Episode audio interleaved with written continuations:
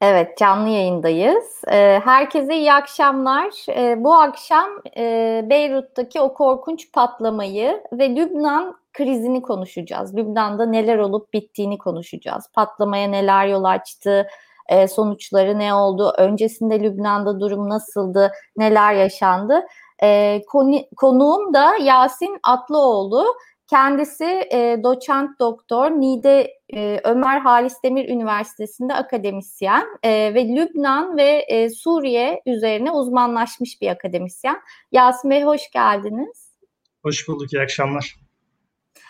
E, hemen aslında e, bu Lübnan'daki, Beyrut'taki e, korkunç patlamayla başlamak istiyorum. E, biliyorsunuz patlama e, çok e, insanların dışarıda olduğu işlek saatlerde 18 akşamüstü 18 sularında gerçekleşti. E, 3000 tona yakın amonyum nitrat e, bulunan e, bir kargo liman bölgesinde bulunan e, bir kargo patladı. Hala patlamanın nedeni, neyin neden olduğu bilinmiyor. Yakınlarda e, hemen yanında aslında bir havai fişek e, fabrikası olduğu söylendi. E, patlama dolayısıyla havai fişek e, fabrikasına da sıçradı. 135 ölüden bahsediliyor ve en az 5000 kişinin yaralı olduğu söyleniyor. E, 300 bin kişinin de evi hasar gördü. Kimilerinin evi artık oturulmayacak durumda. E, burada belki en önemlisi e, bazı insanlar enkaz altında kaldılar ve kayıplar aranıyordu. Ee, sizin bu konuda bilginiz var mı? Öncelikle bununla başlayayım. Kayıplar hala aranıyor mu? Bulundu mu? Şu an durum nedir? Sizin takip ettiğiniz kadarıyla e, Beyrut'taki atmosfer nedir? Şimdi tabii her şeyden önce e, gerçekten çok üzücü ve e, Lübnan tarihinin belki de en büyük felaketlerinden biri. E, hatta iki gündür e, işte 15 yıldır yaşanan iç savaştaki kayıplar ve tahribatla bile kıyaslanıyor. E, dolayısıyla e, tabii dünyada bu olayı üzülmeyen hiç kimse yoktur e, sanırım. E, tahribatın çok büyük olduğu söyleniyor e, gelen görüntülerden ve e, alınan haberlerden.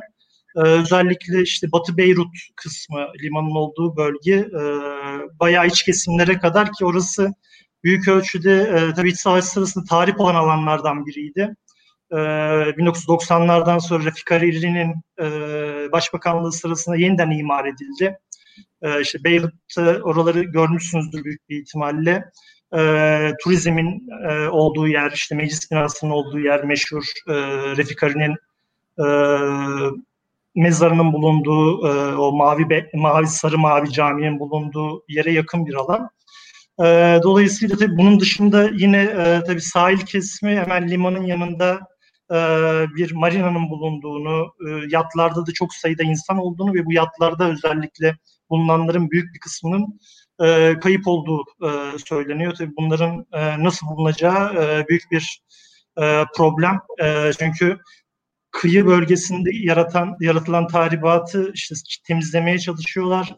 Lübnan kendi bunu yapması çok kolay değil. İşte farklı ülkeler iki gündür e, yardım ekipleri gönderiyor ve bu çalışmalar devam ediyor. E, muhtemelen ne yazık ki yani söylemek gerekiyor ki bu yaralı sayısı daha fazla e, da çıkacak gibi gözüküyor. Vefat edenlerin sayısı da artabilir. Çok ciddi bir e, tahribat söz konusu. Evet, e, yani e, görülmüş en büyük patlamalardan biri. Çok sayıda da kaydı var, çok fazla video görüntüsü var. İnsanlar o yüzden de aslında e, ne derece büyük bir patlama olduğunu görebildiler. E, patlamanın ardından liman bölgesinin görüntüleri paylaşıldı. E, o da e, aslında tahribatın büyüklüğünü ortaya koyuyordu. Kilometrelerce öteye e, varan bir etkisi oldu bu patlamanın. E, burada enteresan bir şeye denk geldim ben. E, patlamaya sebep olan bu e, amonyum nitrat aslında e, bir e, Rus iş adamının kiraladığı evet. e, bir gemide e, Mozambik'e doğru ilerlerken e, Beyrut'ta yetkililer tarafından durduruluyor. Gemiye 2013, 2013 yılının sonunda. Evet, e, yani bu konudaki e, sizin bilgilerinizi de e, alabilir miyiz? Bu konuda ne biliyorsunuz? E, bu e, amonyum nitrat e, nereden geldi Beyrut'ta, limanda e, tutulmasına karar verildi? Ne oldu? Bu gemi kime aitti? Nereye gidiyordu? Ya şimdi tabii öncelikli olarak olayın neden olduğu e, nedenini konusunda sor, e, bir soruyla başlamak lazım. Bu konuda iki tane ayrı yaklaşım ortaya koyabiliriz. Hı hı. Biri resmi açıklamalar bağlamında sizin söylediğiniz e, bu gemiyle bağlantılı, geminin bıraktığı e, yükle alakalı patlamanın olduğuna dair ki bu e, genel bir kabul görüyor şu ana kadar e, yapılan resmi açıklamalarda. Yani olayın bir kaza olduğu meselesi. İkinci bir boyut var. O biraz daha tabii çok e, sıcak yani olayın üstünden çok fazla zaman geçmedi ve olay sıcak olduğu için bir takım komplo teorileri de var. Yani tabii herkesin aklına acaba İsrail mi yaptı? Yani bu amonyum nitrat dışında dışarıdan bir müdahaleyle mi patlatıldı tarzında bir takım komplo teorileri de var. Onları bir kenara bırakalım biz şimdilik. Öncelikli olarak e, olayın bir e, kaza olduğu e, öngörüsünden yola çıkarak e, hareket edelim isterseniz. E, tabii e, bu gemi 2013 yılının sonunda gelmiş e, ve basında da e, bununla ilgili birçok e, bilgi var zaten. E, iki gündür e, sosyal medyada da bunlar paylaşıldı. E, resmi açıklamalarda da bunu görüyoruz ve e, çok yüklü bir miktarda e, amonyum nitrat işte ta, daha çok tarımda kullanılan ama aynı zamanda tabii biliyorsunuz yani 2013 2013 yılını düşündüğümüz zaman hani Suriye'deki savaşın da ciddi bir e, tırmanışa geçtiği dönem işte Suriye'deki cihatçı örgütlerin e, bu tarz malzemelerle canlı bomba yapıp e, kendilerini havaya uçurmaları veya işte o dönemde yine e, hatırlarsanız e, Suriye yönetiminin e, kimyasal silah kullandığını dair iddiaların olduğu bir dönem.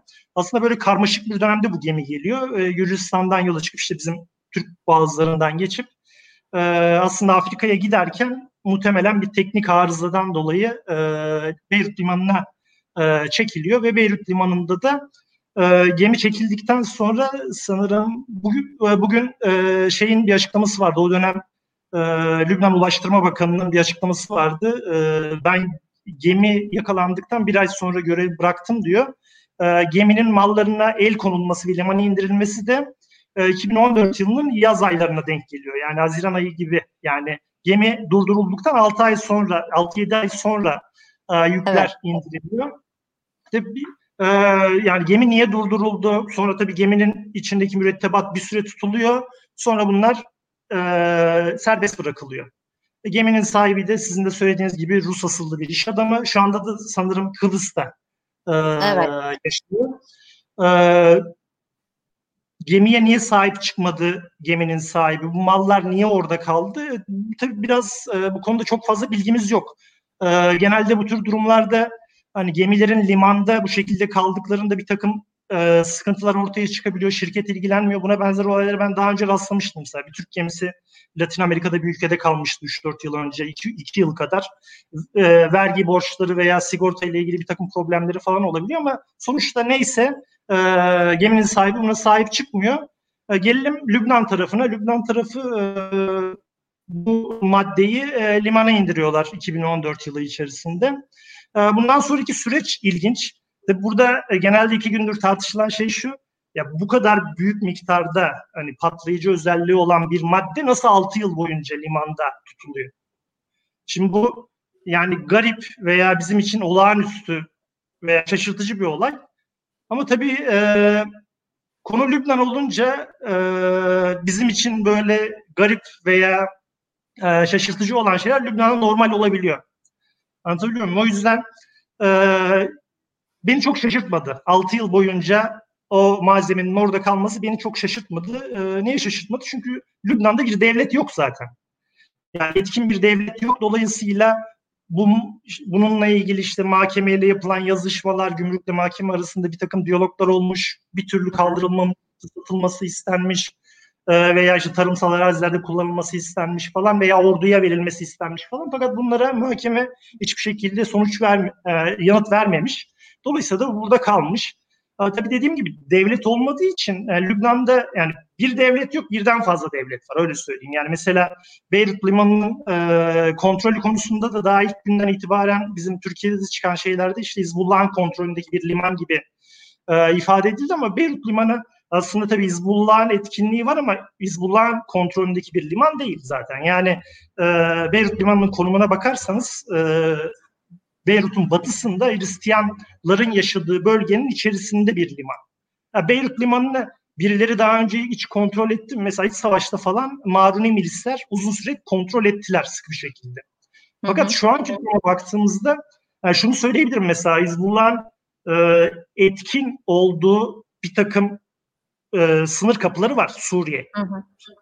çıkan. Veya işte Beyrut Havalimanı'na bakarsanız yine 2008'deki bir kriz vardı hatırlar mısınız bilmiyorum.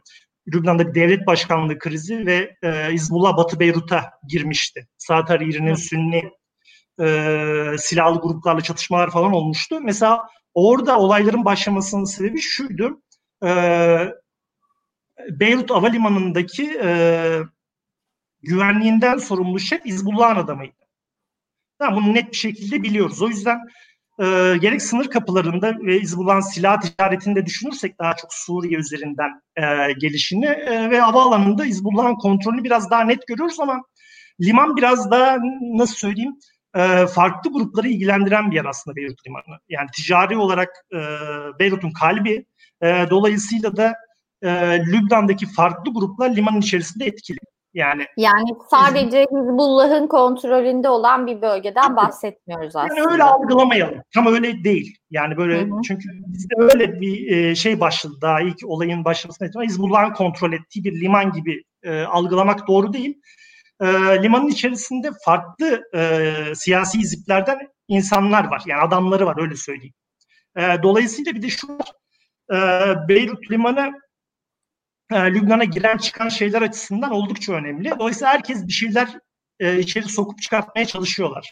Hı hı. Ve bazen burada yani tabii ticari çıkarlarını düşünmek lazım burada. Yani bunları mezhep yani siyasi partiler, e, mezhepsel gruplar hatta daha alta inerseniz e, ailesel veya kişisel çıkarlar ön plana çıkabiliyor. Dolayısıyla Beyrut limanından bir şey içeri sokmak veya çıkartmak için illaki bir siyasi gruba falan üye olmanıza da gerek yok. Yani bu işleri e, Lübnan'da devlet zayıf olunca rüşvet gibi mekanizmalar da çok etkili e, kullanılıyor. Yani paranız varsa ve onu duymuşsunuzdur belki Beyrut'ta paranız varsa her şeyi yapabilirsiniz. Dolayısıyla da Beyrut limanında da böyle bir durum e, söz konusu.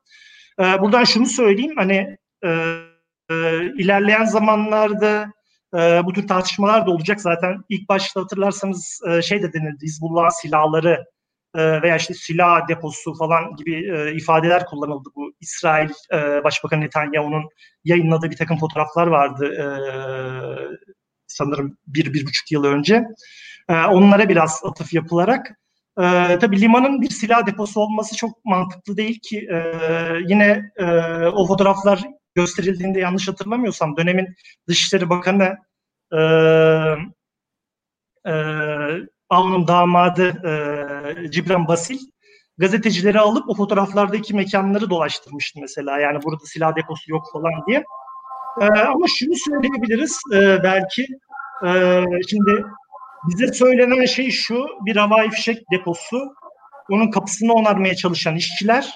Hı hı. E, işte ateş sıçraması, ilk patlamaların meydana gelmesi, yani sizin dediğiniz o çok görüntünün olmasının sebebi de bu. Yani ilk bir patlama, yükselen bir duman ve arkasında herkes de tabii çevresinde gökdelenler, işte e, yüksek binaların olduğu yerde herkes eline kameralarını alıp e, çekim yapmaya başlıyor. İşte ikinci patlama nasıl gerçekleşti sorusunu cevabını tam olarak bilmiyoruz. Yani buradan tabii biraz teknik de bir konu. Yani işte benim iki gündür okuduğum kadarıyla tabii benim uzmanlık olduğu uzman olduğum bir alan değil ama hani belli bir ısının üzerinde bir e, yani ısının üzerine çıkmadan bu malzemenin patlaması çok mümkün değilmiş. Yani tetikleyici bir şey olması gerekiyormuş. Yani bu e, havai fişeklerle çıkan yangın bunu tetiklemek için yeterli oldu mu yoksa dışarıdan başka bir müdahale mi oldu? Yani yine görmüşsünüzdür bazı videolar var böyle dışarıdan füzeye benzer bir şeyler atılıyormuş e, gibi şeyleri gösteren de bunlar ne kadar doğrudur onu bilemiyorum. Hı hı. E, fakat Lübnan'da bir müdahale yapıldıysa müdahale kim yaptı? İşte burada aklımıza şey geliyor yani hani İsrail olabilir mi e, diye düşündürüyor. E, tabii şunu da bilmiyoruz. E, yine limanın o e, patlamadan sonraki fotoğraflarını gör, önceki sonraki fotoğraflarını görürseniz birden fazla e, depo var şeyin içerisinde. Mesela o patlamanın olduğu depolar dışındaki depolarda ne vardı acaba? Hmm. Yani o acaba askeri malzeme veya başka bir şey var mıydı? O patlamayı daha fazla tetiklemiş olabilir mi? O konuda bilgimiz yok yani. Hani bunları e, bir şekilde belki yakında öğrenebiliriz onu söyleyeyim. Çünkü e, benim tahminim şu anda batılı gazeteciler bu e, olayların özellikle limanda olan e, sorumlularla, yetkililerle bir şekilde temas kurmaya çalışıyor. Hı hı. Bunlardan biri konuşulursa veya yarın öbür gün e, Lübnan içinde siyasi bir tartışma olur da aradan bir yetkili çıkartıp işte şöyle oldu diye açıklarsa o zaman öğrenebiliriz belki. Bir gizem var onu söyleyeyim yani. Peki e, izleyicilerimiz için hep mesela konu hep bunu İsrail mi yaptı? İsrail ilk akla gelen İsrail. İsrail ile Lübnan arasındaki bu e, gerginliği bize kısaca hiç bilmeyenler için kısaca anlatabilir misiniz? Yani İsrail ile tabii e, Lübnan'ın bağları e, yani net bir şekilde iç savaş sırasında bir e, doğrudan temas var ama daha öncesinde mesela İsrail'de bir de 1920'lerde Fransız mandası altında bir Lübnan kurulduğunda özellikle Lübnan'daki e, Marunilerle e, İsrail yani İsrail demeyeyim Siyonist örgütler arasında bir takım temaslar var. Yani Marunilerle Siyonistler e, birileri destekleyici e, bir takım iletişimlere giriyorlar. Daha 1930'lar, 40'lar, 50'ler. Ee, burada tabii şu var yani bölgede Arap ve Müslüman ağırlıklı bir bölge olduğu için burada acaba e, Yahudi bir e, bir Yahudi devleti ve hemen yanı başında Hristiyan bir Lübnan devleti kurulabilir mi?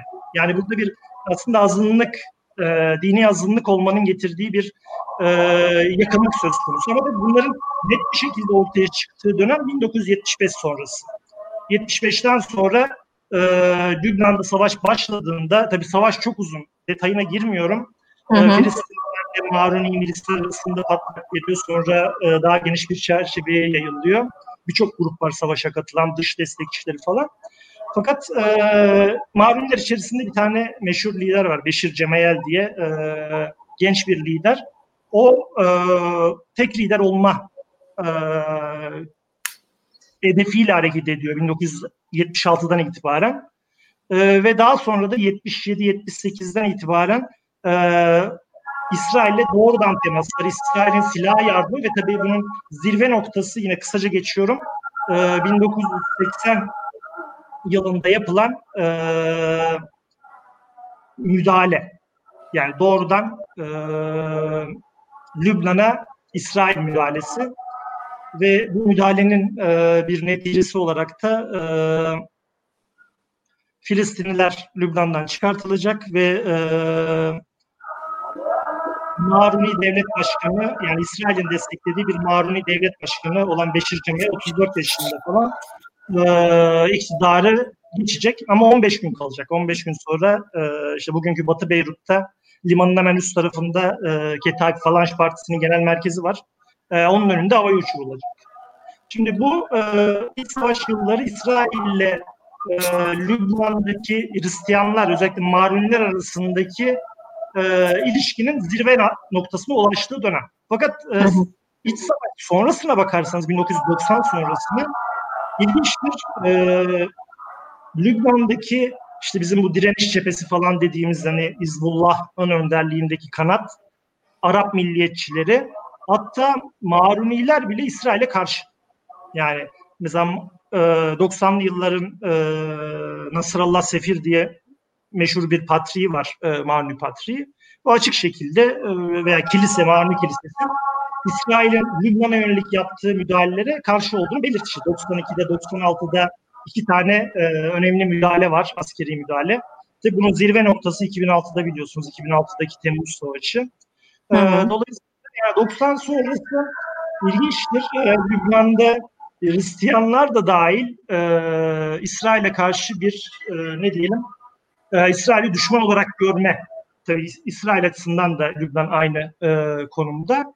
Hatta ee, sadece sadece düşman değil, en büyük düşman olarak tabii En büyük düşman. Yani şu an savaş durumundalar zaten. E, savaş bitmiş değil. Aynı zamanda yani Hristiyanların mesela e, İzbullah örgütünü hani Şii bir örgüt olarak hep kafamızda e, tasavvur ediyoruz ya aslında İzbullah kitlesi olarak destek veren Hristiyanlar da var. Enteresan ama böyle yani Hristiyanlar Hizbullah'a destekliyor. Böyle garip bir durum gibi geliyor ama e, bunun da temel nedenlerinden biri. Yani Hizbullah'ın iç savaştan çıkıp e, bir hani milis örgütü hatta 80'li yılların Hizbullah daha böyle İran tipi bir Lübnan'da devlet kurmaya amaçlayan bir örgüt gibi algılanan Hizbullah 90 sonrası yavaş yavaş Lübnan'a ayak uydurmaya başlıyor. Yani bir siyasi parti haline gelmeye başlıyor. Lübnan'ın yaşam şartlarına uyum sağlamaya başlıyor. Hani bu e, davranışlarını bazıları şey diyor hani gerçekten yani takiye yapıyor diyor açıkçası. Ama bizim gördüğümüz yani en azından e, bizim gördüğümüzde Lübnan Lübnanlaşan bir örgüt. Dolayısıyla da e, İsrail'e karşı mücadelesi Lübnan'ın popüler Lübnan'daki Hizbullah'ın popülaritesini arttıran nedenlerden biri. Yani Lübnan'da bir ordu var ama hiçbir işe yaramıyor. Yani en büyük işte dış düşman İsrail. Fakat İsrail saldırdığında işte 2006'da en son gördük. E, ülkeyi savunan kim? Bir milis grubu, bir e, Hizbullah diye bir milis grubu. Dolayısıyla tabi Hizbullah'a olan sempati e, 90'dan 2006 hatta 2008'e kadar zirve noktasına çıkıyor. Yani ben e, işte Suriye, Lübnan'da bulunduğum dönemde meşhurdu böyle. Her tarafta işte Hasan Nasrallah'ın fotoğrafları, işte Beşar Esad'ın fotoğrafları falan. Böyle e, Suriye ve Lübnan'da görmek mümkündü. E, ama tabii İzbullah'ın 2008'deki krize müdahil olması ve ilk defa Sünnilere karşı silah kullanması birinci aşama. E, ikincisi de tabii 2011'den sonra Suriye krizine girmesi İzbullah'ın e, rolünde bir takım kuşkuları da e, uyandırmaya başladı. Yani İzbullah İsrail'e karşı savaşan bir örgüttü ama şimdi e, İzbullah işte 2008'de Batı Beyrut'ta Sünni gençlerle savaştı. 2011'den sonra Suriye'ye gitti. Suriye'de e, Müslümanlarla savaştı. Yani oradaki silahlı gruplarla e, işte Suriye yönetimine destek vermek için savaştı. Burada tabii Hizbullah'ın bu zirve noktasına ulaşan imajının biraz zedelendiğini söyleyebiliriz. Hani Hizbullah tabii bunu yine e, özellikle 2014'te Hizbullah'ın şansı mı diyelim e, IŞİD'in en Nusra gibi e, El-Kaide e, ile bağlantılı örgütlerin çıkması Hizbullah'ın Suriye'ye yaptığı müdahaleyi de biraz meşrulaştırdı. Onu da söyleyelim çünkü. Bir ara IŞİD e, şeye Trablus'a falan geldi yani Trablus'ta Hristiyanları tehdit etmeye başladı 2014'te falan. E, dolayısıyla Hizbullah'ın böyle bir e, e, Lübnan siyasetinde merkezi bir konumu var ve e, tabi bu patlamayla Hizbullah arasında ileriki günlerde bir bağlantı kurulur mu? E, ki bu patlamadan kısa bir süre önce Lübnan konusundaki en büyük tartışmalar aslında 10-15 gündür e, Lübnan-İsrail sınırındaki e, gerginlikti. Hani e, İzbullah'ın olası bir e, 2006'dakine benzer bir e, İsrail topraklarına saldırısı veya tam tersi yani bu benim uzun süredir beklediğim İsrail Lübnan topraklarına yönelik bir e, saldırısı söz konusu olabilir mi? Yani bunu yine biraz daha bölgeye baktığımızda hani İsrail'in varlığı açısından tehdit olabilecek e, aktörler son 10-15 yıl içerisinde yavaş ortadan kalktı. Mesela evet. 1990'larda Saddam Hüseyin vardı hani çılgın bir adamdı falan ama işte 90'da işte İsrail'e e, Suudi Arabistan'a füze atabilecek bir adamdı. Yani bir tehdit olarak algılanıyordu. Ortadan kalktı. E, ondan sonra bak e, diğer tehditler kim? Suriye. Mesela Suriye'nin iç savaş öncesi e, çok güçlü bir ülke olmasa da e, şey, ordusu olan falan e, gerektiğinde İsrail'le savaşabilecek bir ülkeydi. Şu an Suriye var mı? Suriye'de e, savaşabilecek bir ordu yok. Kendi topraklarını bile savunamıyor. E, Irak gitti, Suriye gitti. İran doğrudan İsrail'e bir saldırı düzenlendi. O da bu. Ama bir e, şey olarak İran orada duruyor. E, güneydeki Arap devletlerine baktığımızda Suudi Arabistan'ı, Mısır'ı falan bunların zaten Ürdün gibi devletlerin İsrail'de doğrudan bir e, çatışmaya girmesi mümkün değil. Ve geriye kala kala e, Hizbullah kaldı. Yani şu anda Hizbullah bölgede İsrail'e doğrudan saldırı düzenleyebilecek tek silahlı aktör. Hmm. Dolayısıyla Hizbullah'ın Lübnan siyasetinden temizlenmesi lazım. Yani İsrail'i Şahin politikacıların ağzıyla konuşuyorum ben size. Hı hı. Ee, veya batıdaki e, batılı politikacılar da bunu destekliyor. Trump bakıyorsunuz. E, bunlar da aynı düşüncede. Yani Hizbullah'ın temizlenmesi lazım. Fakat Hizbullah'ın Lübnan siyasetinden veya Lübnan'daki varlığını sona erdirmenin e, savaşmadan bir yolu yok gibi gözüküyor. Yani Lübnan hükümetine baskı yapıp Hizbullah'ın silahlarını alın falan dediğinizde böyle bir şey olması mümkün değil. Zaten Lübnan hükümetinin parçası Hizbullah. Aynı zamanda e, Hizbullah'ın siyasi kanadıyla askeri kanadını nasıl ayıracaksınız? Bu çok kolay bir şey değil. Ve burada yine kilit bir nokta var. Lübnan'da devlet yok. Yani en büyük meselemiz yani Lübnan'da işte bir, bugün şey görmüşsünüzdür. E, Macron'un e, Beyrut'taki e, çıkartması diyelim. Yani gövde gösterisini e, Fransız Devlet Başkanı. Şimdi Fransa'nın Lübnan'a armağan ettiği bir e, bizim konfesyonel sistem veya mezhepçi sistem dediğimiz bir sistem var. Temelleri 1920'lerde atılıyor yani kurumsallaşması e, başlıyor. Daha sonra 43'te Ulusal Pakt ve e, 1990'daki Teyit Anlaşması'yla bütünleşiyor ve bugünkü mezhebe dayalı sistemin e, siyasal sistemin ve toplumsal sistemin temelini oluşturan anayasal belge, belgeler bunlar. E, şimdi e, bu konfesyonel sistem dediğimiz şey şu, en basit anlatımıyla, e, bütün devlet kurumları mezhepler arasında paylaşılacak. Neye göre paylaşılacak? 1932 yılında Fransızların yaptığı bir nüfus sayımı. Ee, ülkedeki en kalabalık grup yüzde 28-29 bunu kapsayan 1939'da Maruniler o zaman Maruniler devlet başkanı olacak her zaman. İkinci grup Sünniler her zaman başbakan olacak.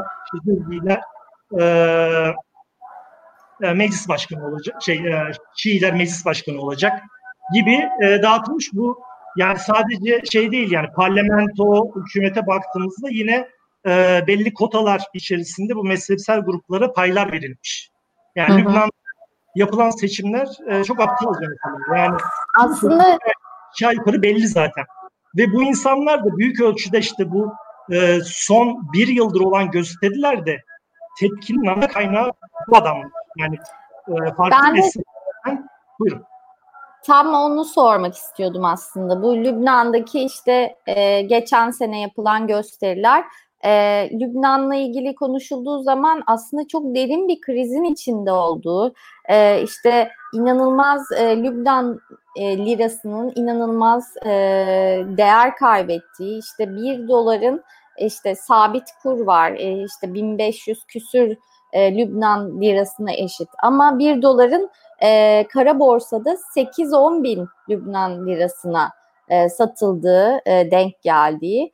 E, yani öyle bir durumda ki elek, e, hükümetin elektrik üretemediği, günde 2 saat elektrik verdiği insanlara hatta artık elektriğin yetersizliği sebebiyle trafik ışıklarının çalışmadığı, işte bir çöp sorunu, çöp toplama sorunu, musluk suyunun zehirli olması gibi e, insanların hayatına yaşa, e, yansıyan e, çok sayıda etkileri olduğunu e, öğrendik, biliyoruz. E, biraz da bunlardan bahseder misiniz? Yani geçen sene aslında insanlar bir patlama noktasına geldiler. Hani bu sistemin dediğiniz gibi devlet olmamasını ve sistemsizliğin e, bir patlama noktasına gelmesiyle insanlar sokaklara çıktılar. Talepleri neydi, ne istiyorlardı, ne oldu, neden gösteriler sona erdi? Biraz onlardan bahsedebilir misiniz? Tabii işte biraz önce bahsettiğimiz bu ülkedeki mezhepçi sistemin bir sonucu olarak devleti belli mezheplerin çatısı altında belli aileler ve kişiler ellerinde tutuyorlar. Bunlar hem siyasi veya işte Arapçada zaim deniliyor bunlara. Hani lider manasında. Bunlar hem siyaseti ellerinde tutuyorlar aynı zamanda da Lübnan ekonomisini ellerinde tutuyorlar. Yani hem e, siyasi kitleleri peşinden sürüklüyorlar aynı zamanda da e, Lübnan'ın en zengin insanları bunlar. Yani parti liderlerini açıp internetten bakarsanız kim olduklarını teker teker görürsünüz. Yani en başta işte Sağlar Geri'yi söyleyebilirim size. Ee, dolayısıyla e, bu adamlar aynı zamanda tabii devlet imkanlarını falan kullanarak her türlü yolsuzluk, işte adam kayırmacılık her şeyi yapabiliyorlar. Kendi adamlarını yerleştiriyorlar. E, devlet ihalelerini kendileri kullanabiliyorlar kendi çıkarları için. E, bu arada da devlet dediğimiz mekanizma ana işlevlerini hiçbir zaman yerine getirmedi zaten Lübnan. Yani e, mesela halkın temel ihtiyaçlarını karşılama konusunda Lübnan devleti belki 1943 sonrası kurgulanan Lübnan devleti yani liberal bir devlet anlayışı. Yani ve aynı zamanda da tabii e, Lübnan'da e, ki bu e, liberal devletin 1950'ler 60'larda böyle bir işte şey duymuşsunuzdur. Ada, o da biraz aslında masaldır ama e, 1950'lerde işte Orta Doğu'nun e, Paris'i falan Beyrut için söylenirdi falan. E, o dönemde bir refah artışı var. Bölgesel gelişmeler, ticaret ve bankacılıktan dolayı. Ya Fakat, tabii e, tabii ki şehrin güzelliği, e, insanların güzelliği, şehrin cazibesi de var. Hani bu tanımda biraz aslında insanlar sonuçta e, turist olarak da gitmeyi seviyorlar oraya, iş için de gitmeyi seviyorlar. Sonuçta Beyrut gerçekten güzel ve cazip bir şehir her şeye rağmen. Tabii tabii yani işte 50'li yıllarda o uluslararası konjonktürden biraz yararlandı Beyrut. Ee, çevresindeki ülkelerin bir kısmı sosyalist, e, Arap milliyetçisi sosyalistti. Oradaki Hı. sermaye çıktı. Yine aynı zamanda Körfez'deki petrol ülkelerinde e, yeni ortaya çıkan büyük sermaye Beyrut'a akmaya başladı ve Beyrut'un ekonomisinin temel dayanakları olan bankacılık sektörü. Mesela hı hı. Beyrut'ta paranızı yatırdığınız zaman kimse size sormaz. E, bu para nereden geliyor? Paranızı koyarsınız orada durur. Bankacılık sektörü. İkincisi ticaret. Beyrut limanını e, tırnak içinde söyleyeyim. E, ve aynı zamanda üçüncüsü de sizin söylediğiniz turizm, eğlence sektörü, kumar, aklınıza gelebilecek her şey. E, bu üçü e, Lübnan'ı, Beyrut başta olmak üzere Lübnan'ı ciddi bir canlanma ortaya çıkarttı. Yani refah artışı oldu 50'lerde 60'larda ama bu refahdan payı yine alanlar biraz önce bahsettiğim siyasetçiler ve onların çevre, çevresindeki insanlar. Yani Lübnan'da hep fakir insanlar vardı. E, ki bu ekonomik refah, geçici olan refah da yine uluslararası konjonktürdeki dönüşümlerinin de etkisiyle 60'larda yavaş yavaş şey olmaya başladı. Tabii inşaat sektörü de unuttuk. İnşaat sektörünü de ekleyelim bu dediğimiz e, alanlara. Hı hı.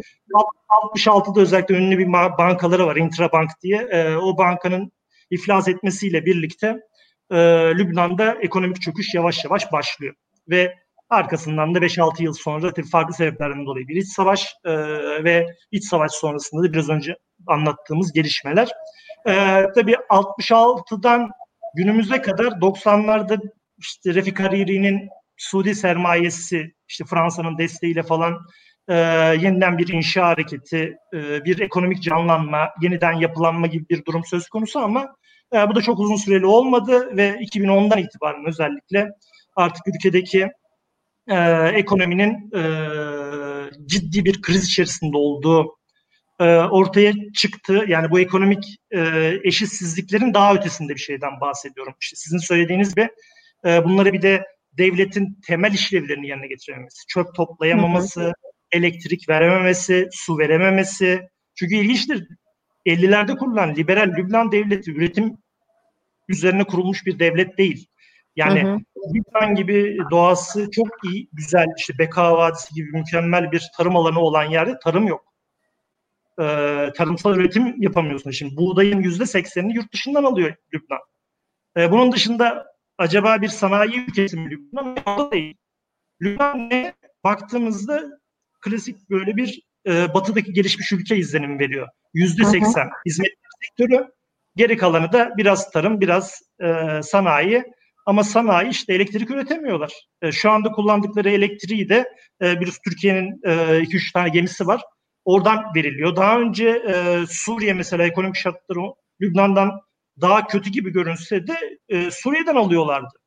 E, petrol aynı şekilde. Petrolü e, dışarıdan getiriyorlar. Yiyecek içecek maddeleri hepsi yurt dışından geliyor. Yani böyle bir ülkede e, devlet bu işlerin hiçbirini yapamayınca e, ve bir süre sonra işte söylediğiniz gibi e, 1500 liradan 8000 liraya çıkınca e, dolar e, Lübnan lirası arasındaki e, kur farkı e, bunlar tabii son bir yıldaki gelişmeleri de ortaya çıkarttı artık. İnsanlar ekmek bulamıyor, yiyecek ekmek bulamıyor. Yani e, 2019'da başlayan gösterilerin e, temelinde tabii ekonomik bir takım nedenleri var ama orada sokağa çıkan insanlar daha çok bu kokuşmuşluk üzerine yani bu 2015'teki protestoları da hatırlarsanız çöpler işte evet. kokuşmuş olan tarzında söylemlerle yani kokuşan çöp değil siyasetçiler yani e, Lübnan'ın e, var olan her şeyini yiyip bitiren insanlar.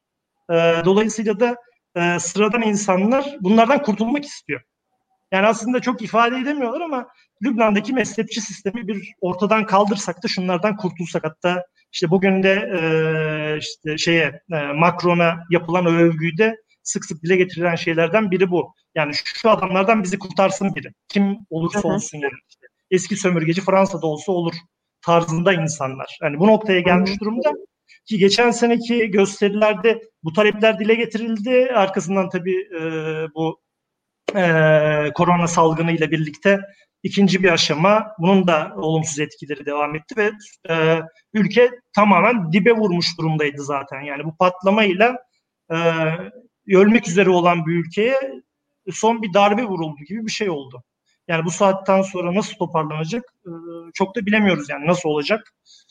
E, aslında, bir şey söylemek aslında son sorum oydu. Yani bu saatten sonra Lübnan için e, Lübnan'ı ne bekliyor? Siyaseten ne bekliyor? E, nasıl görüyorsunuz? Sizce bu yaşanan bu e, korkunç patlama ve yarattığı işte tahribat bir şeyleri değiştirebilecek mi Lübnan'da? Ya Lübnan için söylenebilecek belki tek pozitif şey e, tabii iç savaştan sonraki nesiller diyeyim e, Lübnan'daki sorunların farkında. Yani hı hı. bu sokağa çıkan insanlar da bunun farkında. E, dolayısıyla hani şu ana kadar belki bir iç savaş tekrar çıkmamasının nedeni de bu. Yani o eski günleri tekrar yaşamak istemiyor insanlar.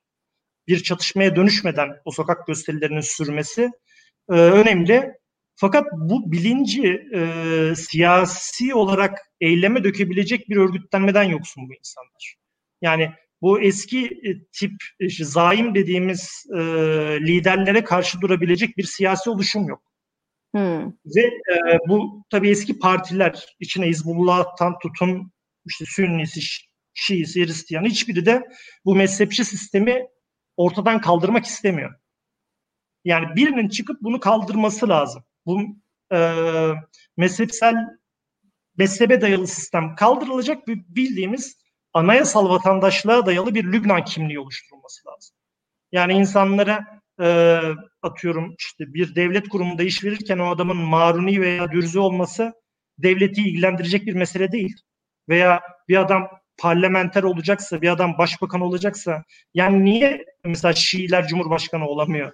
Veya işte niye e, Maruni başbakan olamıyor? Yani de bu sistemin mantığı şu. E, hiçbir grup e, baskın gelmesin, diğerine karşı e, bir gruplar arasında bir denge kurulsun falan ama Lübnan'da işlemiyor bu. E, dolayısıyla bundan sonra yapılabilecek şey bu konfesyonel sistemin, mezhepçi sistemin tamamen tasfiye edip bilinirse yani bunu kim yapacak onu bilmiyorum ama e, ve anayasal vatandaşlığa dayalı yeni bir Lübnan yani çok ciddi bir şeyden bahsediyorum ya ciddi bir reform. E, bunu yapmaya kalktığımızda da e, buna karşı duracak güç odakları da var. Ya bir şeyi de söyleyeyim tabii mezhepçiliğin bir de e, toplumsal yanı var. O gözden kaçıyor bu siyasal sistem evet. dışında. E, mesela Türkiye'nin bölgedeki en büyük avantajlarından biri o Türkiye'de bir medeni kanun var. E, Orta Doğu'daki ülkelerin hiçbirinde yok.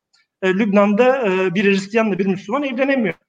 Yani şimdi sokağa çıkan insanlara baktığımızda e, açılan pankartların bazılarında insanlar sadece evlenmek istiyorlar. Yani sen benim dini kimliğime e, bakıp benim evlenmemi nasıl engelleyebilirsin ki? Ben Lübnan vatandaşıyım. İşte o yüzden diyorum anayasal vatandaşlığa dayalı bir kimlik e, ortaya konulursa herkese e, Lübnanlı mı denir buna? İşte başka bir şey mi denir bilmiyorum. E, bu yaratılabilirse ve bu eski kuşak e, siyasetçiler bir şekilde e, sistemin dışına itilebilirse yeni bir Lübnan için umut olabilir. Ama tabii bunları yapmaya girişen biri olduğu zaman muhtemelen içeriden dışarıdan bir sürü müdahale olacak. Hı hı. E, bu engellenmeye çalışılacak ve e, şu an elim mesela e, basit mesela 2019 yılında dönemin de, e, Lübnan Devlet Başkanı bir medeni kanun yapmaya çalıştı. İnanır mısınız herkes karşı çıktı. Maruni Kilisesi karşı çıktı, Şii din adamları karşı çıktı, Sünniler karşı çıktı.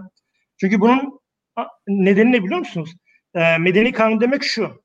E, bu din adamlarının elinden doğum, ölüm, miras gibi önemli konuları elinden almak. Onların gücünü elinden almak. Tabii. E, kimse izin vermek istemiyor. Yani e, sadece Müslümanlar için demiyorum ya. Hristiyanlar da aynı. Hristiyanlar da hiçbir şekilde buna izin vermek istemiyor. Tabii. Peki çok teşekkür ederim Yasin Bey. Ee, çok detaylı bir şekilde anlattınız süremiz el verdiğince. Ee, bugün Lübnan'daki patlamayı konuştuk. Ee, bakalım Lübnan yaralarını sarabilecek mi? Ee, bundan iyi bir şey doğabilecek mi? Çok büyük kayıplar verdi. İç savaştan bu yana yaşadığı en büyük kayıplardan, e, en büyük felaketlerden biri olduğu söyleniyor e, doçent doktor Yasin Atlıoğlu ile konuştuk. E, kendisi Lübnan ve e, Suriye üzerine uzmanlaşmış bir akademisyen. E, geçmişine baktık Lübnan'ın, patlamaya baktık, sonrasını konuştuk. E, zaman gösterecek ne olduğunu. E, herkese çok teşekkürler bizi izlediğiniz için.